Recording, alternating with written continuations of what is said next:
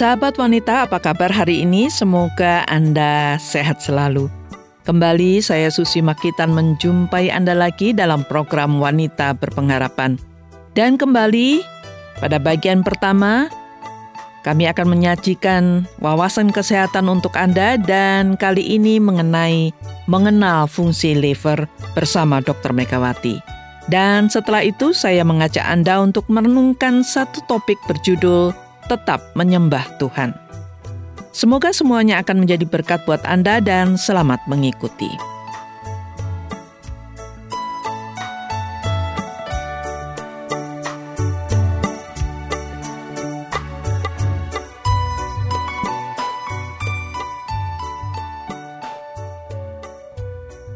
Sahabat, dalam tubuh kita ada organ-organ penting yang harus kita ketahui fungsinya masing-masing. Beberapa organ penting yang biasa kita dengar adalah jantung, paru-paru, ginjal, dan hati atau liver. Dengan mengetahui fungsi masing-masing organ kita, kita bisa menjaga kesehatan organ tersebut. Nah, hari ini saya mengajak Anda untuk melihat fungsi liver atau hati kita. Dan saya akan berbincang-bincang dengan Dr. Megawati, dan saat ini beliau sudah bersama saya. Apa kabar dok hari ini? Baik-baik saja Bu Baik Susi. dan sehat ya. Ya. Terima kasih atas kehadirannya. Dan kita hari ini membahas mengenai fungsi liver atau hati kita. Ya. Nah ini sebesar apa organ liver ini dok? Ya mungkin kira-kira beratnya sekitar satu setengah kilo Satu gitu ya. kilo Coba ya. bayangin Jadi kita sudah bisa sebesar bayangin daging ya satu setengah kilo. Daging atau Ya mungkin cukup besar ya dok gula ya. atau mungkin berat. Kalau sebenarnya ditulis di sini adalah sebesar bola rugby, tapi kan di sini bukan olahraga yang Iya, biasa yang kan, populer yang gitu. populer. Iya, Ya kira-kira betul. satu satu kilo setengah sampai dua kilo lah. Oh gitu ya. Iya, Ah, Jadi ya, besar cukup, sekali memang level Iya. kita itu. Cukup besar ya dok Ada ya. di sebelah kanan atas. Hmm, kanan atas Iya. ya. Mm-mm. Nah, seperti yang saya dengar bahwa fungsi liver itu banyak gitu ya. Apa saja sih dok fungsinya? Jadi yang pertama itu dia menghasilkan empedu. Empedu. Empedu ini yang akan Hmm. membantu untuk menghancurkan lemak lemak-lemak yang kita makan Hmm, maksudnya. Oh, gitu ya. dan Itu. membuang racun dalam tubuh. Hmm. Ini fungsinya empedu. Mm-mm. Dia juga menghasilkan kolesterol dan protein. Oh, liver kolesterol ya. ini berfungsi menyalurkan lemak ke seluruh tubuh. Mm, Ya, ya, Jadi ya, ya. LDL, Mm-mm, tadi HDL mm-mm. itu tadi ya. Jadi Mm-mm. dia dihasilkan oleh hati. Terus hati ini juga menyimpan gula untuk Hmm. cadangan energi dan kekuatan. Oh gitu. Iya, dia Gula menjaga keseimbangan ya. gula dalam darah. Oh. Makanya kalau pada yang levernya rusak, biasanya Mm-mm. juga jadinya gula darahnya jadi tinggi, kan bisa. Oh, karena Diabetes livernya juga. terganggu ya. Levernya Mm-mm. terganggu. Jadi dia ternyata itu juga menyimpan gula untuk cadangan. Mm-mm. Terus fungsi selanjutnya adalah mencerna obat-obatan menjadi zat aktif dalam tubuh. Oh. Jadi kalau misalnya jadi ada obat-obatan, ya. ya dia dicerna dan diaktifkan Mm-mm. oleh lever, Mm-mm, membersihkan darah dari senyawa obat dan zat beracun. mm-mm. Jadi ini seperti tukang sapu gitu, tukang Hmm, membersihkan, tukang membersihkan. ya. membersihkan Iya. darah dari zat beracun dan membantu pembekuan darah. Jadi di hati ini ada faktor yang membuat adanya bisa darah membeku. gitu Iya. ya. Oh. Terus dia juga menghasilkan asam amino yang menyusun protein penting untuk melawan infeksi. Hmm. Jadi dia itu produksi asam amino itu yang membantu untuk, Untuk melawan, melawan infeksi. gitu ya dok Iya. ya. Oh. dan membersihkan sisa metabolisme protein yang beracun bagi tubuh. Hmm, pokoknya ini jadi fungsinya itu ya. Cukup untuk- banyak ya. Untuk buang racun, buang racun. Hmm. Dan dia juga menyimpan zat besi, Bu Susi, Oh, untuk gitu. membentuk yang namanya hemoglobin. Hmm. Kita tahu hemoglobin atau HB ini adalah komponen penghantar oksigen oksigen ke seluruh tubuh ya. ke seluruh tubuh Mm-mm. melalui sel darah merah. Hmm. Jadi namanya HbO2. oh. Jadi hemoglobin ini yang akan bereaksi dengan O2. Mm-mm. Dengan Oh. oksigen akan dibawa ke seluruh tubuh. Mhm. Jadi dia juga fungsinya setelah itu membersihkan sisa metabolisme hemoglobin. Oh, iya. Jadi hemoglobin ini sekali fungsinya ya. dibentuk Mm-mm. kalau sudah sisa, sudah waktunya untuk dihancurkan, balik lagi ke hati dihancurkan. dihancurkan dengan gitu. cara membentuk dan membuang dalam bentuk bilirubin. Jadi yang seperti Hmm, kuning-kuning itu. kuning-kuning gitu.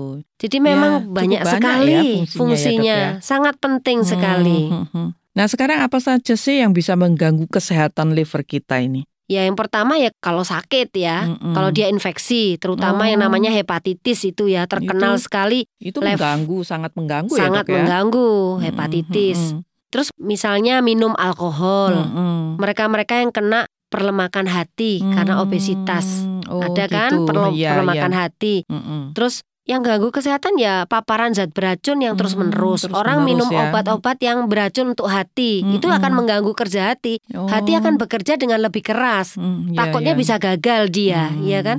Mereka-mereka Karena yang obat-obatan ya. iya, obat-obatan nafsa, Mm-mm, misalnya mm-mm. mereka yang pakai Mm. heroin, Iya. pakai narkoba itu ya Narkoba- berarti. narkoba itu Oh, sabu-sabu yang- sangat mengganggu liver ya. Sabu-sabu kan Mm-mm. makanan ya. Makanan ya sabu. Sabu begitu. Iya. Itu kan akhirnya mengganggu liver. ya. Tapi yang terbanyak itu karena Oh, infeksi, Bu infeksi Susi. ya. Iya. Hmm, ya ya ya ya. Dan ini yang paling banyak terjadi gangguan liver seperti apa, Dok? Saya banyak dengar itu ada kanker gitu ya. Mm-mm. Terus ada hepatitis itu yang paling banyak. Tapi yang paling mengganggu itu apa, Dok? Yang paling paling mengganggu ya, berisiko ya kalau hepatitis, karena hepatitis itu ya. hepatitis itu nantinya terutama B, C, Hmm, Ya. bukannya A ya, Iya. itu nantinya akan menimbulkan namanya sirosis hepatis. Sirosis. Oh. Setelah itu jadi pengerutan, setelah itu Mm-mm. jadi kanker. kanker ya. Nah, ini yang Hmm, terbanyak. hepatitis Jadi yang itu terbanyak ya. hepatitis. hepatitis itu Mm-mm. ya. mm-mm. Nah, adakah ini gangguan liver yang menyebabkan sampai orang itu meninggal itu? Men- Ya pastilah. Akhirnya meninggal. Cuma meninggal itu bisa lama atau sebentar. Oh, begitu. Ya, Mm-mm. kalau kanker itu kan mesti pasti meninggal. Iya, iya pasti Iya ya. kan? heeh. Kalau hepatitis ke sirosis itu meninggalnya bukan karena sirosisnya, jadi karena fungsi hatinya ini Bu Susi, di antaranya untuk pembekuan darah. Mm-mm. Mungkin dia nggak membeku. Hmm, Terus Karena hatinya rusak atau hatinya sakit, mm-mm. itu menyebabkan varises di mana-mana. Oh, nah, yang begitu. jadi masalah itu kalau varisesnya di kerongkongan kita, Iya. sehingga kita jadi muntah darah. Oh, gitu. betul betul. Orang yang sirosis itu muntah darah. Muntah darah Jadi ya. sakitnya bukan karena sirosis, bukan Mm-mm. karena hatinya mengerut atau menjadi kecil, tapi efeknya hati yang sakit ini fungsi-fungsinya menjadi tidak. tidak berfungsi normal, dengan baik, tidak iya. normal ya. Nah, itu menimbulkan efek samping. Efek. Akhirnya yaitu Hmm. muntah darah, berak Mm-mm. darah, itu, Oh, begitu meninggal ya, dunia. Meninggal dunia Iya. ya, Dok ya. Mm-mm.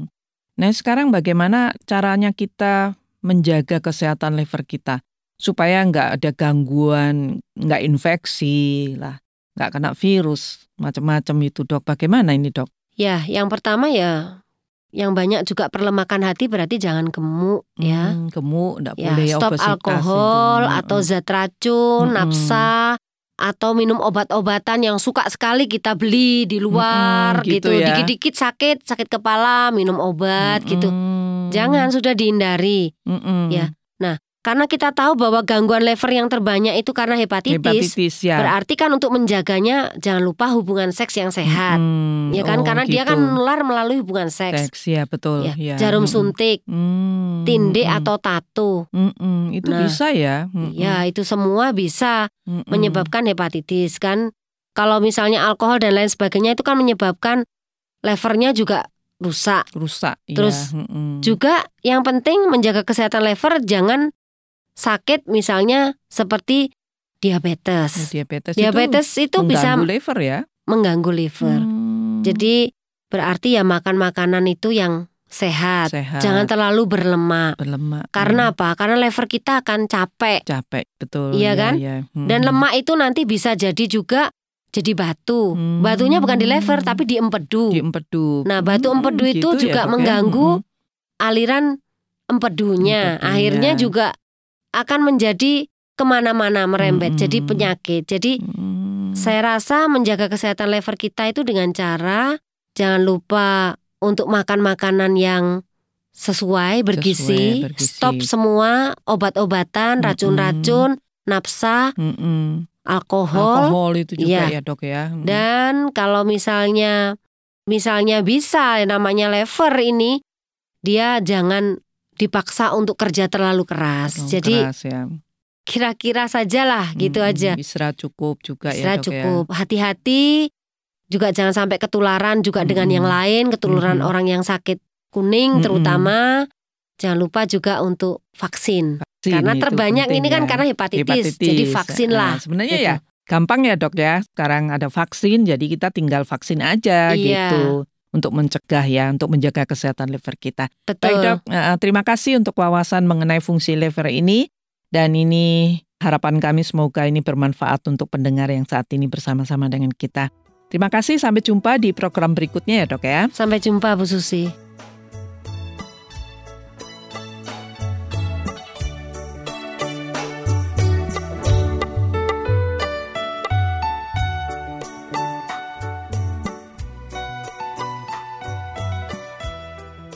Sahabat, semoga perbincangan mengenai mengenal fungsi liver tadi bermanfaat bagi Anda dan keluarga.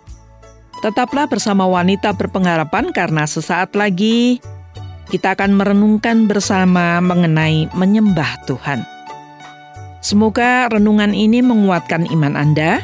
Tetapi sebelum itu, mari kita bersama-sama mendengarkan sebuah lagu pujian berikut ini yang khusus saya sajikan untuk Anda. Semoga Anda terhibur dan selamat mendengarkan.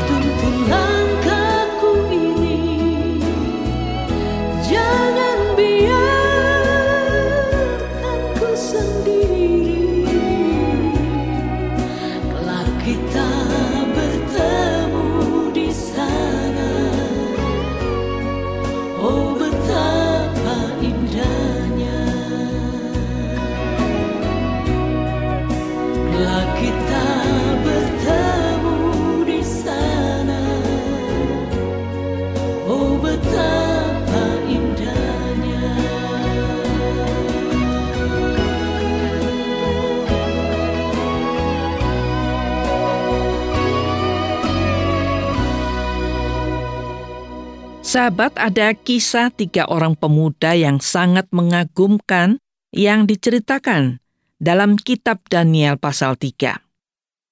Tiga pemuda itu bernama Sadrak, Mesak, dan Abednego. Ketiga pemuda itu menjadi pegawai istana yang dipimpin oleh seorang raja yang bernama Nebukadnesar. Raja Nebukadnesar adalah pemimpin besar dunia ia sangat berkuasa, tetapi dia sombong. Ia ingin disembah seperti Tuhan. Dia juga ingin menjadi Tuhan. Lalu ia membangun sebuah patung berhala yang terbuat dari emas. Kemudian Raja Nebukadnezar meminta kepada semua pemimpin dan rakyatnya untuk menyembah patung tersebut. Setiap kali ada bunyi sangkakala, setiap orang harus menyembah patung itu. Dan bagi siapa saja yang tidak menyembah patung itu akan dilemparkan ke dalam nyala api. Ancaman Raja Nebukadnezar ini menunjukkan bahwa ia seorang raja yang sangat tidak ingin dikalahkan. Ia selalu ingin menjadi nomor satu. Dan raja ingin semua rakyatnya taat dan mengikuti semua keinginannya, termasuk menyembah patung yang dibuatnya itu.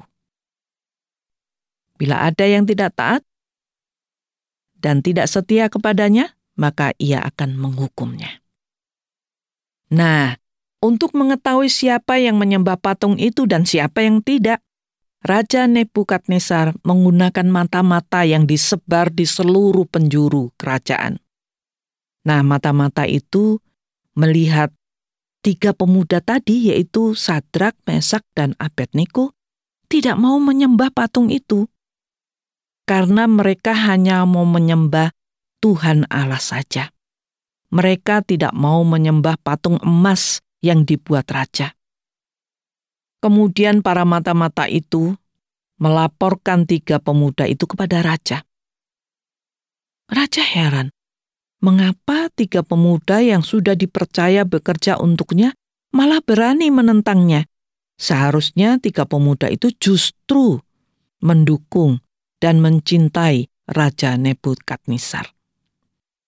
Tetapi mengapa Sadrak, Mesak, dan Abednego malah menentangnya?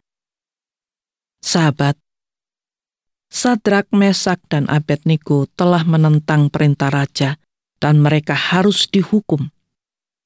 Maka ketiga pemuda itu dibawa menghadap raja. Dan ketika mereka dihadapkan kepada raja, raja berkata kepada mereka, Apa benar, hai Sadrak, Mesak, dan Abednego, bahwa kamu tidak memuja dewaku dan tidak menyembah patung emas yang kudirikan itu? Sekarang ini jika kamu mendengar bunyi sangkakala, sujud dan sembahlah patung yang kubuat itu. Tetapi jika kamu tidak menyembah, kamu akan dicampakkan. Seketika itu juga ke dalam perapian yang menyala-nyala. Dan dewa manakah yang dapat melepaskan kamu? Lalu Sadrak, Mesak, dan Abednego menjawab, Tidak ada gunanya kami memberi jawab kepada Tuanku dalam hal ini. Jika Allah kami yang kami puja sanggup melepaskan kami, maka ia akan melepaskan kami dari perapian yang menyala-nyala itu dan dari dalam tanganmu, ya Raja. Tetapi seandainya tidak, hendaklah Tuanku mengetahui, ya Raja, bahwa kami tidak akan memuja dewa Tuanku dan tidak akan menyembah patung emas yang Tuanku dirikan itu.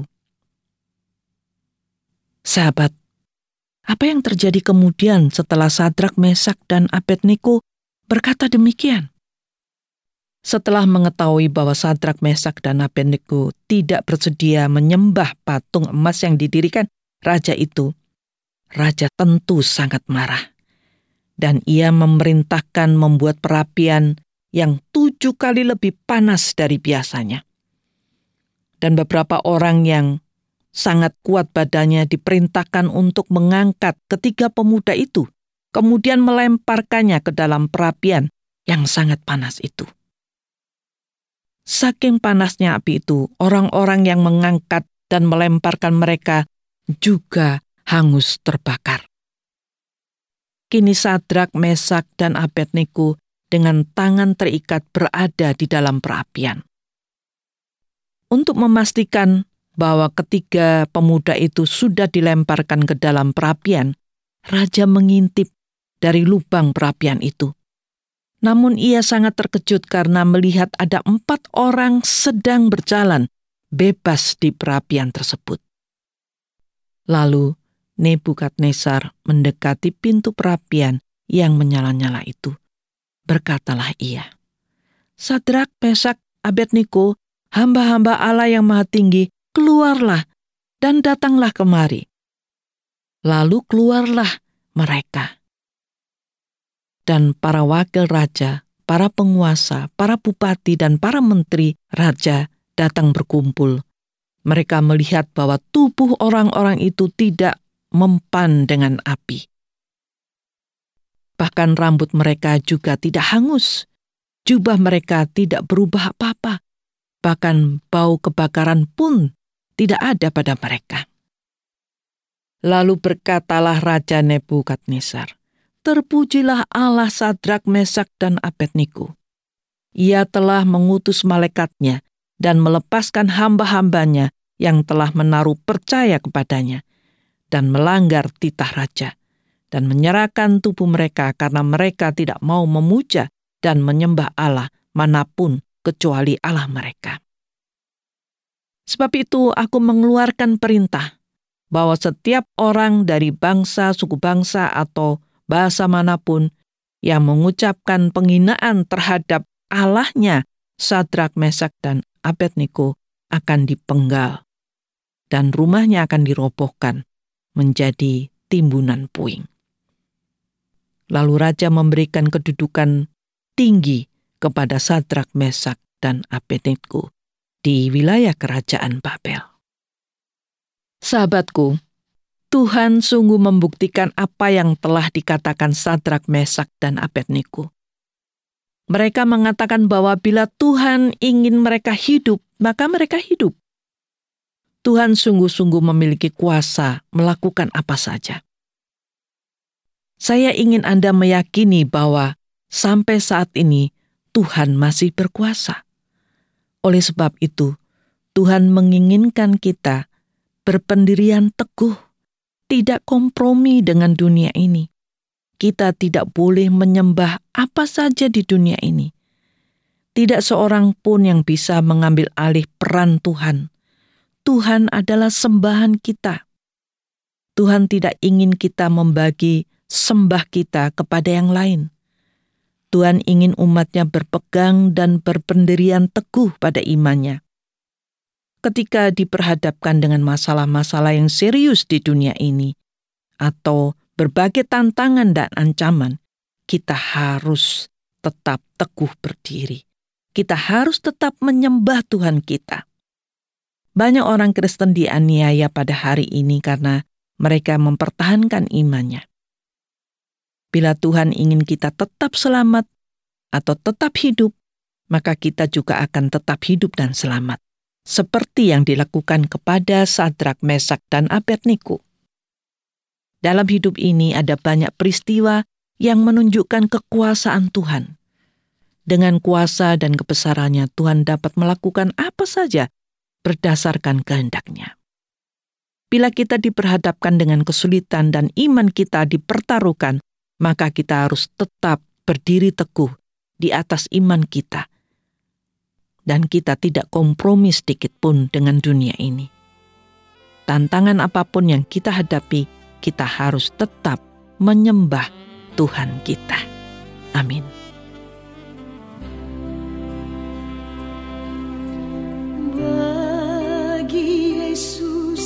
serahkan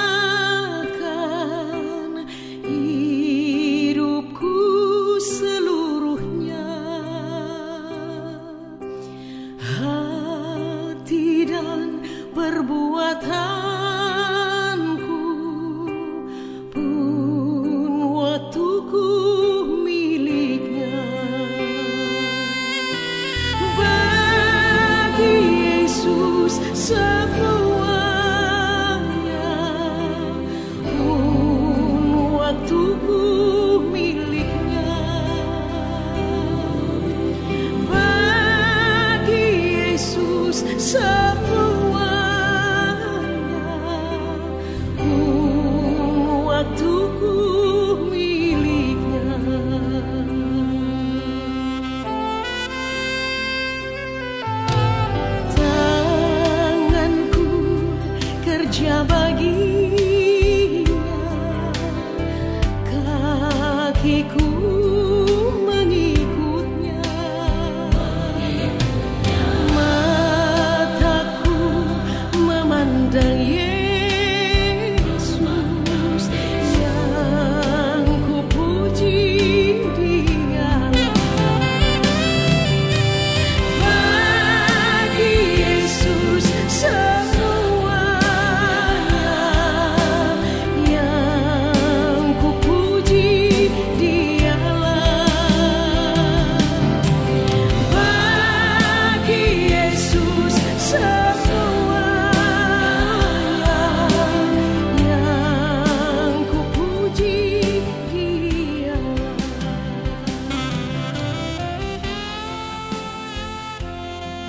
Sahabat wanita berpengharapan, kita harus berpisah sampai di sini karena acara wanita berpengharapan sudah selesai hari ini.